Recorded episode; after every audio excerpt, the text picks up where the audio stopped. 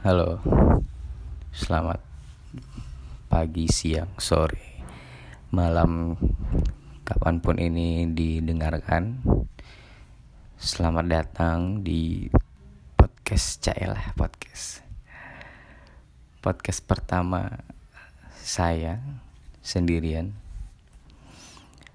Uh, pertanyaannya kenapa sendiri karena tidak mau ribet dan belum dapat partner yang oke okay aja. Yeah, belum dapat partner yang oke. Okay.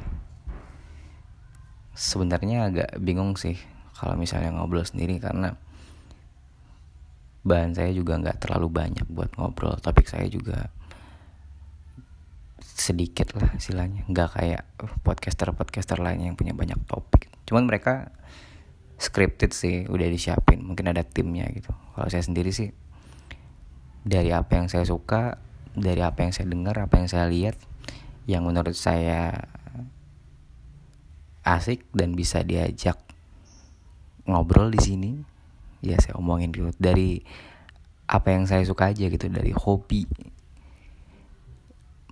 makanan film dari yang saya suka deh pokoknya. Nggak perlu relate juga sama orang gitu pokoknya ini tentang saya dan circle saya gitu. Ini sebenarnya udah lama sih pengen bikin. Dan sebenarnya sambil mencari partner juga kira-kira siapa ya gitu. Nggak canggung kalau sendiri. Cuman saya salut sama podcaster di luar sana di Indonesia yang bisa ngobrol sendirian tanpa partner tanpa bintang tamu tapi bisa nyampe 40 menit sampai sejam. Kayak Adriano Colby Adriano, Adriano Colby dulu sebelum di Spotify di podcast eh di podcast di SoundCloud atau sekarang ada di Spotify ya saya juga nggak tahu. Di SoundCloud dulu podcast awal podcast awal minggu ya kalau nggak salah.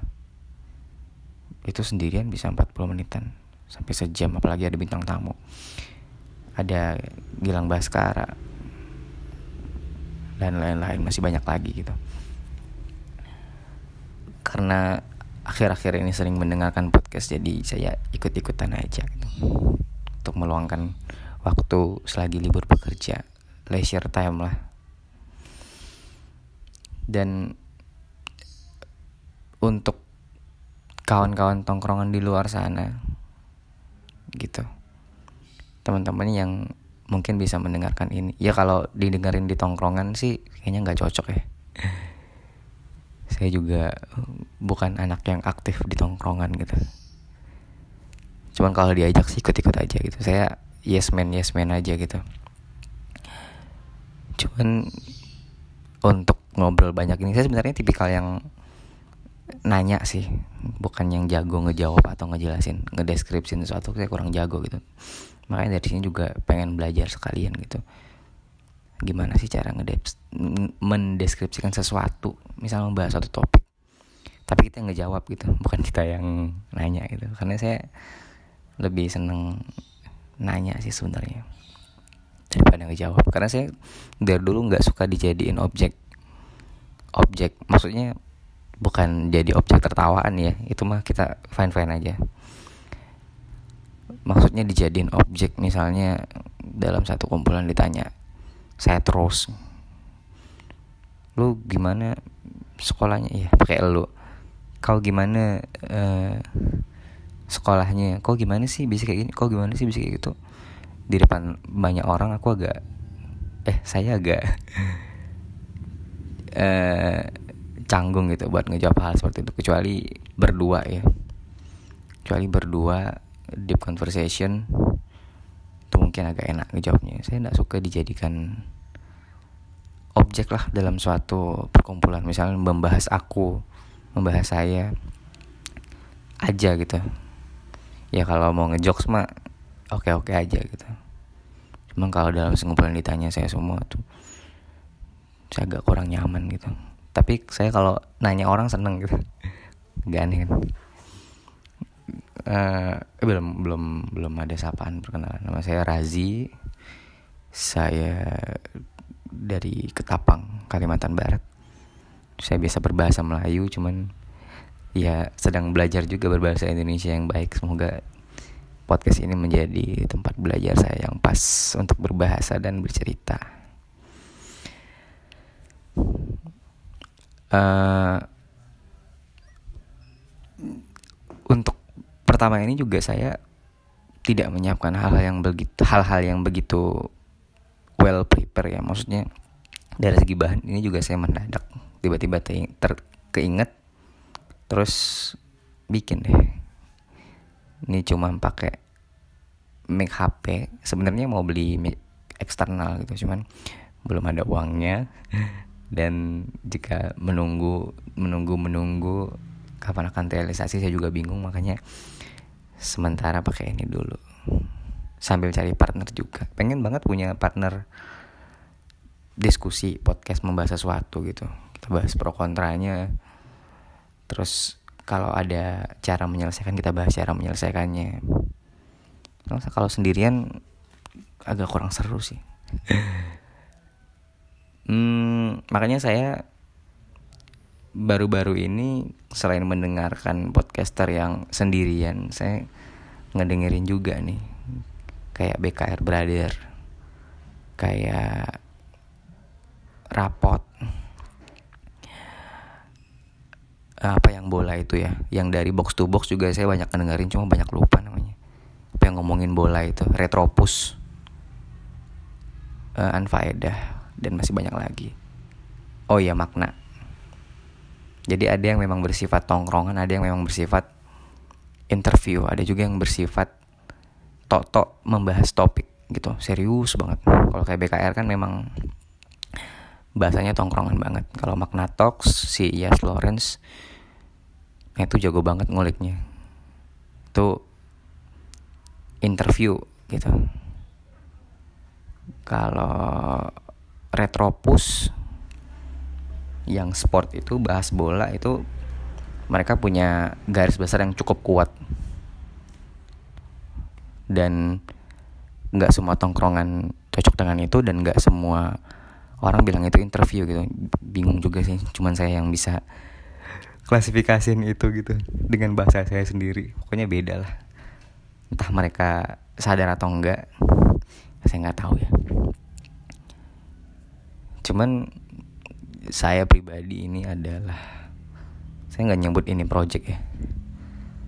Saya cuma pengen belajar public speaking belajar nyari topik gimana biar ketemu orang baru bisa ngobrol banyak kira-kira apa aja sih yang bisa dikulik gitu. Saya belum tahu bakal jadi apa aja karena belum nyoba sama sekali gitu. Ini adalah kali pertama saya. Entah mungkin nanti bakal ngomongin teman-teman saya ngomongin pengalaman saya atau liburan mungkin liburan jalan. Musik film dan sebagainya sesuatu yang ya saya nggak punya hobi khusus ya.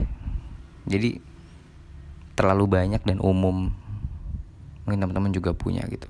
Bahkan saya bahas tipis-tipis nanti. Kalau perlu review juga mungkin ya mungkin saya harus baca-baca dulu biar informasinya lebih akurat mungkin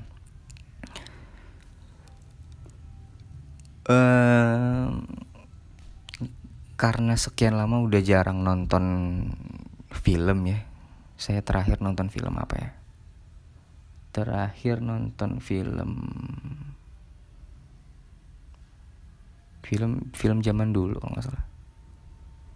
Film zaman dulu apa ya judulnya kemarinnya? Filmnya Roy Martin cuma saya lupa judulnya yang dia pisah sama istrinya terus anak-anaknya bingung nih mau ikut ke siapa terus marah ke dia gitu. Itu Ray Martin pada saat itu keren sekali gitu. Terus setelah itu nah ini yang baru-baru ini aja nonton film ini. Alice in Borderland dari Jepang. Itu adaptasinya dari manga. Saya dulu pas zaman kuliah lumayan sering nonton serial dan film Jepang ya. Karena saya suka suka budayanya. Saya suka ya perempuannya. Karena unik-unik ya. Uh, pemeran cowoknya juga ya yang ala juga ada sih. Cuman dulu saya ngefans sama Tatsuya Nakadai. Itu aktor tua. Film-film zaman dulu nggak tau saya sering kepan ke cantol misalnya udah nemu satu film dia bagus saya ikutin terus. Nah dari situ mulai disuka Jepang uh, movie dan serialnya gitu. Dari kecil juga suka nonton kartunya gitu cuma mendalami movie dan seriesnya ketika kuliah gitu. Sempat download aplikasi buat belajar bahasanya juga cuman ya gitu deh bosan dihapus. Oh iya ngomongin film tadi ya terakhir nonton Alice in Borderland di Netflix. Uh, ada 8 episode ya kalau nggak salah nggak lupa. Ketertarikan saya nonton itu karena ada sponsornya di Instagram. Saya lihat ada Kento Yamazaki udah lama nih nggak nonton film Jepang. Iseng aja gitu. Kayak lagi dengerin lagi dengerin musik tiba-tiba aja gitu nggak ada rencana memang pengen nonton gitu. Episode 1 2 3 4 seru sampai 8 yang mau saya bicarakan tentang film ini adalah ada beberapa plus dan minus sih. Istilahnya game survival game dead game seperti Alice in Borderland ini sebenarnya udah banyak di Jepang sebelumnya. Favorit saya adalah dulu apa ya yang anak SMA itu. Dead game ya kalau nggak salah. Ya apa ya pokoknya dulu ceritanya di satu kota anak-anak SMA-nya itu pada nakal dan itu nggak terkontrol dalam satu kota gitu karena terlalu banyak bikin onar kota akhirnya pihak pemerintah membuat uh, rencana untuk memberangkatkan mereka ke suatu pulau untuk mengurangi populasi mereka mereka disuruh saling bunuh gitu. Ada dua dua sequel ya kalau nggak salah. Pokoknya lupa judulnya. Udah lama banget. Habis itu ada werewolf apa segala macam lumayan banyak kalau Jepang survival gitu. Dan ini ada Alice in Borderland sebenarnya kalau Jepang saya suka movie yang realistis aja gitu yang kehidupan sehari-hari. Tapi bumbu dramanya pun tidak terlalu banyak dan masuk akal. Tapi kalau sudah lama tidak menonton film fantasi nontonlah saya Alice in Borderland um, ada yang perlu dan nggak perlu sih seperti biasanya lah anak anak film banget. Uh, ada saya mengharapkan sih sebenarnya sampai 1 sampai 8 itu mereka tetap terperangkap dalam tempat yang sepi seperti stack 1, 2, 3 maksudnya nggak banyak orang gitu. Tiba-tiba nemu tempat survive lagi nemu tempat survive lagi tapi ada ketika saya lupa episode berapa mereka ketemu pantai atau pool pantai atau kolam renang ya. Dan di situ rame banget orang dan kayak ketemu peningginya gitu. Peninggi petinggi petinggi dari game tersebut gitu. Dan interest saya berkurang gitu ketika saya menemukan scene itu gitu meskipun dilanjutin sampai season eh sampai episode 8 gitu ketika, ketemu di episode itu dia masuk ke satu wilayah isinya ada kolam renang ada gedung dan ramai banget orang. Interest saya jadi kurang gitu karena menurut saya terlalu cepat gitu. Kalian bisa taruh itu di season 2 yang menurut saya agak terlalu cepat aja gitu ketemu banyak orang dan ketemu kunci-kunci yang ada di game tersebut gitu yang tahu tentang game tersebut. Saya mengharapkan itu itu tetap ambigu sampai season sampai episode terakhir gitu. Itu menurut saya agak janggal. Menurut saya. Terus uh, kita bahas minusnya dulu deh. Ada di episode 2 atau di episode 2 atau 3 ya? Saya lupa. Di stack 2 salah satu temennya dari pemeran utama si Kento ini, si Alice ini, si Arisu ada yang tidak bisa ikut gitu. Dan saya heran kenapa bisa kayak gitu gitu. Terus dan scene ini menurut saya nggak penting, tapi ya. Jadi uh, si orang yang tidak ikut ini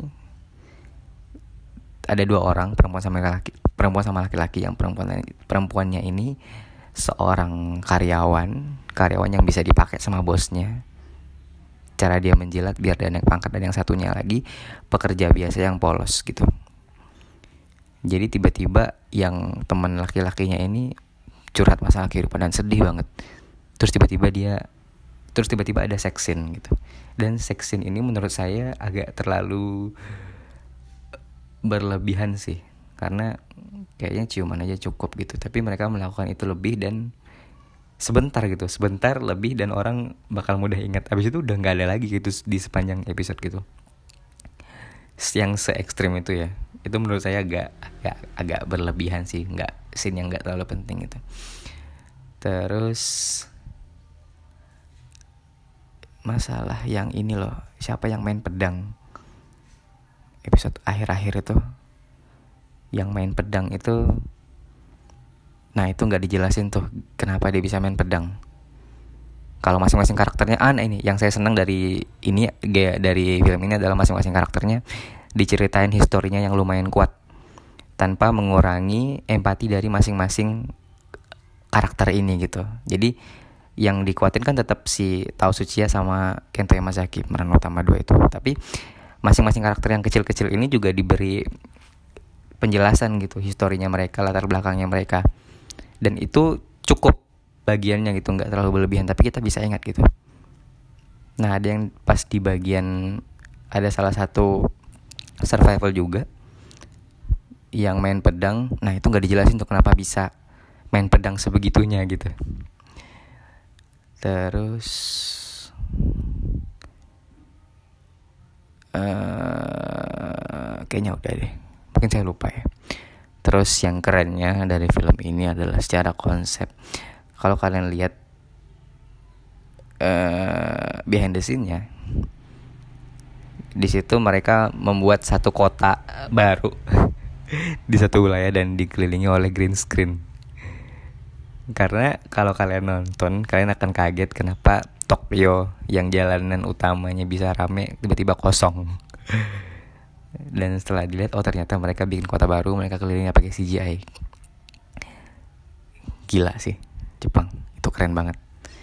Terus nggak tahu Kento Yamazaki itu cocok banget mainin perannya. Entah si pemilih aktornya dari manga ke film ini kayaknya punya feel yang cukup kuat gitu. Entah karena saya suka Kento Yamazaki mungkin ya. Tao Suchiya juga. Mereka kan karena kalau salah pernah main bareng ya di film Orange sebelumnya. Berapa mereka pernah main bareng kok. Terus uh, mereka berani mem mematikan mematikan karakter yang lumayan inti sih kalau menurut saya di awal-awal. Karena kan si Kento ini punya teman segeng bertiga. Nah, si Alice in Borderland ini sutradaranya cepat banget matiin mereka berdua ini gitu di awal-awal episode. Dan itu keren sih. Mereka gimana gimana kita nambahin esensi film uh, tanpa menambah karakter yang jauh lebih banyak lagi ketika di situ ya terus scene berantemnya juga bagus ketika yang saya bilang tadi yang si main pedang sama ada yang cewek pakai bikini. Apa ya nama bela dirinya lupa. Pokoknya bela diri lah. Itu keren banget. Nah background si cewek bikini yang bisa bela diri ini ternyata dulunya adalah laki-laki. Tapi di situ jadi perempuan gitu. Karena dulu pernah disuruh ayahnya buat jadi laki-laki beneran karena aslinya laki-laki tapi dia nggak mau ayahnya ajarin dia kempo ya. Eh lupa. Bela diri ternyata dia bisa gitu. Cuman dia nggak bisa ngerubah kebiasaannya yang perempuan itu. Jadi jadilah dia perempuan jadi jadian. Lalu saya search apakah dia benar perempuan. Ternyata benar perempuan. Ternyata dia bukan laki-laki yang didandani jadi perempuan. Itu pesin berantem keren. Terus ya sebenarnya saya suka di awal-awal episode sih. Itu keren sih. Kotanya bener-bener sepi dia nyari sendiri stake-nya berdasarkan petunjuk. Kita masih penasaran terus gitu. Nah ketika udah masuk ke pool atau daerah pantai tadi interestnya jujur agak berkurang sih. Itu aja kali ya.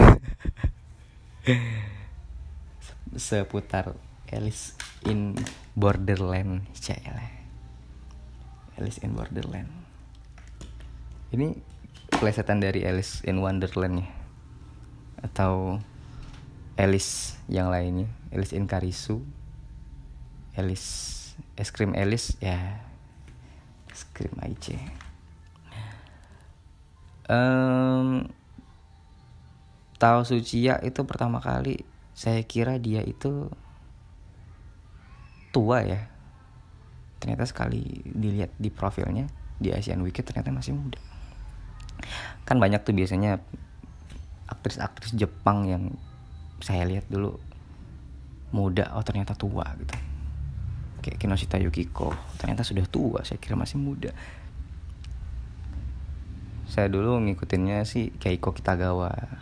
Kinoshita eh Yukiko juga pernah sih sebentar yang paling seneng dulu Yui Aragaki. Padahal dia hmm, aktris dan penyanyi. Suara sih nggak terlalu bagus sih. Acting pun acting bagus cuman ada beberapa film yang menurut saya face-nya tuh nggak cocok. Entah karena dia nggak diet atau pipinya terlalu cabi. Cuman karena physically yang sederhana itu itu yang buat saya senang sama Yui Aragaki dengan acting yang maksimal tentunya. Banyak yang lebih bagus dan lebih berkarakter. Mukanya yang bisa dicocok-cocokin ke model film apa aja tapi dengan sederhananya dengan sederhananya. Yu Aragaki itu yang saya suka gitu. Kalau aktor ya jelas. Kento Yamazaki yang di Rurouni Kenshin Sato Takeru dan masih banyak lagi. Sudah banyak lupa soalnya. Ketika kerja saya sudah jarang nonton film Jepang itu kalau movie dan series. Kalau kartunnya kartun atau anime atau anime atau apalah. Dulu saya juga suka kayak Naruto One Piece. Lumayan ngikutin lah cuman berhenti juga ketika SMA dan kuliah. Nonton lagi nemu yang namanya Ghibli. Apa ini Ghibli? Ghibli adalah studio film yang menyediakan film-film bergenre mereka juga nyiapin yang agak realistis sih. Dan fantasi juga tentunya karena kartun kan fantasi. Cuma dari segi cerita mereka nyediain yang romance drama yang biasa dilakukan oleh orang-orang Jepang. Ada juga yang memang setengah-setengah realistis dan fantasi. Yang luar biasa sih yang memang full fantasi ya. Mereka kan pecah dulu gara-gara oh iya mereka kan dulu yang heboh itu gara-gara Spirited Away. Dan saya pun tahu dari situ dan film pertama juga yang saya tonton. Spirited Away. Masuk box office atau apa ya? Lupa saya. Pokoknya pada saat itu nomor satu aja di Jepang. Malah di dunia entah di sesi kartunnya sendiri atau masuk sama film-film yang lain juga campuran di nomor satu pokoknya ada di nomor satu. Si Spirit Away ini karena scoringnya bagus jalan ceritanya ya jalan ceritanya udah jelas-jelas fantasi ya tidak masuk akal. Cuman ternyata secara secara garis besar analoginya adalah ceritanya bagus sebenarnya. Cuma saya nggak ngeh saya cuma nikmatin jalan ceritanya luar biasanya mereka dalam mendevelop karakter dan scoringnya itu eh luar biasa banget. Nggak masuk akal tapi kita saya bisa masuk ke dunianya mereka gitu. Sama kayak saya lagi kecil nonton Naruto. Tapi nonton Naruto sekarang saya udah nggak ada feelnya. One Piece segala macam udah nggak ada feelnya. Tapi ketika nemu Ghibli saya kayak balik ke masa kecil lagi gitu. Gila secara grafik juga ah tuh kayak nemu yang baru aja gitu. Mungkin dulu bosan ya nonton anime yang serial kayak Naruto One Piece modelan grafiknya kayak gitu gitu. Nemu lang Ghibli plek. Oh ini apa nih? Kok unik? Kok keren? Ternyata Ghibli namanya gitu. Nah dari eh belum. Analoginya dulu tadi cerita kan? Analogi dari Spirited Away adalah ternyata tentang uh, kasus perdagangan perempuan gitu tentang prostitusi gitu. Dan mereka bisa mendevelop itu ke cerita yang luar biasa gitu. Duh motor. Pokoknya keren deh. Lalu naik si sosok Kaonashi ini Karakternya berkembang dengan baik Banyak merchandise-nya. Oh dan setelah itu Setelah Spirited Away itu Mulai deh saya nonton yang lain kayak Ponyo Kiki dan lain-lain. Dan masih banyak lagi yang saya sudah tonton tapi saya saya sudah tonton tapi saya lupa judulnya gitu. Udah banyak yang saya tonton.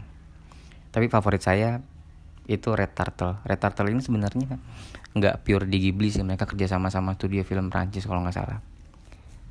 Jadi di film itu ada dua sosok laki-laki dan perempuan. Perempuannya ini dia ketemu di laut. Dia ketemu di laut seorang putri duyung mereka bertemu setiap hari bercumbu eh turtle. Oh iya salah. Penyu. Penyu atau kura-kura ya? Saya lupa. Dia itu putri duyung atau penyu. Judulnya sih red turtle. Entah ke pokoknya ketemu penyu lah. Kita ceritanya aja penyu ya. Penyu. Terus ke, yang laki-laki ini tinggal di suatu pulau. Dia menemukan penyu terdampar dan penyu itu berubah menjadi perempuan. Jadi dalam satu film itu tidak ada percakapan sedikit pun. Mungkin menggambarkan itu pada zaman batu mungkin. Jadi mereka nggak ada ngomong sama sekali sampai si penyu sampai si perempuan itu berubah kembali menjadi penyu ataupun ikan duyung ataupun atau ataupun apa lupa penyu kalau nggak salah bukan ikan duyung kembali ke laut dan itu scene sedih banget bagus banget pokoknya secara gambar grafik. Kalau skenario nggak ada nggak ada percakapan gitu. Pokoknya di dalam film itu nggak ada ngobrol tapi kita bisa merasakan feel kesedihan si laki-laki ini ketika ditinggalkan si perempuan penyu ini gitu. Salah satu film terbaik Ghibli menurut saya. Dan ini coming soon nanti bakal ada baru lagi Irwik apa ya lupa. Pokoknya soundtracknya diisi oleh Sherina. Sherina Munaf. Sherina Munaf salah satu aktris cilik favorit saya dulu. Dibantu oleh Sherina Munaf juga. Saya sih saya sih cuma tahu dia ngisi soundtrack ya. Atau ada ngisi ngebantu yang lain juga saya nggak tahu. Yang jelas di poster itu nama dia ada. Dan beberapa lagu juga udah keluar previewnya. Ternyata Sherina udah belajar animasi juga di, di Jepang. Dia belajar gambar dan dapat kenalan Hayao Miyazaki. Sing punya itu studio Ghibli. Eh gila yang mukanya nggak pernah tua Serina. Mungkin mukanya nggak pernah tua. Selain gara-gara skincare mungkin karena dia dari kecil ngelakuin hal-hal yang dia suka terus kali ya. Enteng aja gitu kayak ninggalin kuliah tiba-tiba kerja terus tiba-tiba ke Jepang lagi buat sekolah. Animasi belajar bahasa dan segala macam. Ya pokoknya nanti bakal ada deh Irwik dan apa gitu. Tapi bakal 3, 3D dia nggak kayak biasanya. Tapi ya nikmatin aja gitu. Dan ada Serina. Di situ mungkin saya gara-gara Serina sih pengen ngikutin lagi. Karena sebenarnya yang bikin bagus itu dua dimensinya sih kalau Ghibli yang bikin karakternya kuat gitu. Kalau 3D ini yang ngerjain sih anaknya Hayao Miyazaki nggak panjang ngomongin film ya. Ngomongin movie sama kartun dari Jepang. Nah saya nggak tahu apa yang bisa dibahas yang ada di kepala saya yang berdekatan dengan movie Jepang itu sendiri ya anime atau kartun atau apalah. Wah lumayan mau setengah jam. Eh, panjang juga. Hmm, untuk episode lah episode episode pertama ini hmm, mungkin udah cukup ya. Saya ngebahas tentang filmnya gitu. Saya nggak tahu di episode 2 dan selanjutnya akan membahas apa yang jelas akan berkaitan langsung dengan saya.